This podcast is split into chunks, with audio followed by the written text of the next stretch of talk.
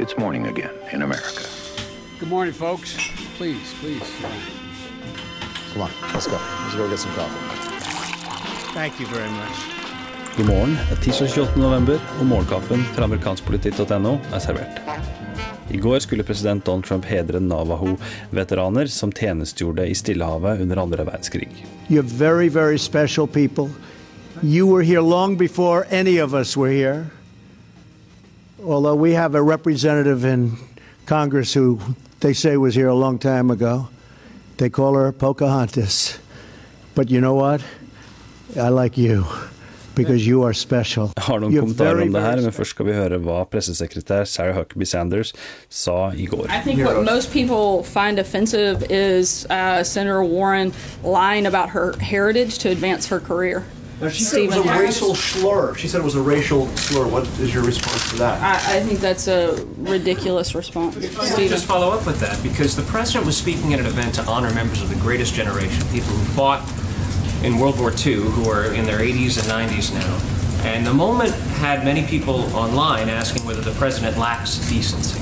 What's your response to that notion? Look, I think the president uh, certainly uh, finds uh, an extreme amount of value and respect for these individuals, which is why he brought them and invited them to come to the White House and spent time with them, recognizing them and honoring them today. So I, I think he is uh, constantly showing ways to honor those individuals, and he invited them here at the White House today uh, to meet with them and to also uh, remind everybody about what the historic role that they played uh, many years ago. Kristen. Why is it appropriate for the president to use a racial slur in any context? I don't believe that it is appropriate for him to make a Well, a racial lot of slur or anybody this else. is a racial slur. So why is it appropriate for him to I use think, that? I, I- like I said, I don't think that it is, and I don't think that was certainly not the president's intent.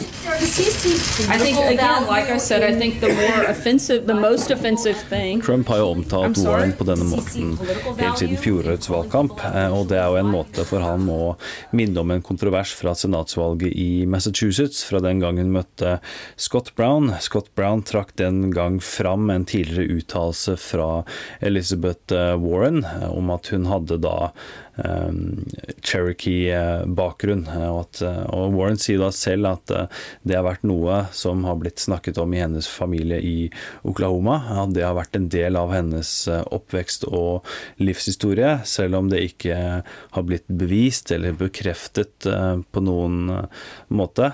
Så Trump har jo da tråkket fram dette som som en sånn et kallenavn på Warren, for nærmest å avskrive alt hun måtte ha å si. Eh, Så mener han at hun er helt uh, usaklig, eh, og at hun eh, har løyet om sin bakgrunn da for å få fortrinn på Harvard, eh, annet. Eh, Et nedsettende begrep, eh, som flere har påpekt, og som også Warren påpeker, eh, og at Trump da velger å bruke en slik seremoni eh, der han skal hedre Navaho-veteraner, eh, og at han da trekker fram eh, og bruker et slikt begrep, det, det kritiseres jo fra nokså mange. Og det ser ikke ut som, som Sarah Huckabee Sanders, pressesekretæren, som man ser det klippet, ser ikke ut som hun er veldig komfortabel i sitt forsvar av presidenten. I går var senator Al Franken, demokraten fra Minnesota, tilbake på jobb i Senatet. Han holdt en kort pressekonferanse som vi her skal høre et lite utdrag fra. To all of you, I just want to uh, again say I am sorry. I know there are no magic words that I can say uh, to regain your trust, and I know that's going to take time. I'm ready to start that process, and it starts with going back to work today. So um, now I'm going to take a, a, a few questions.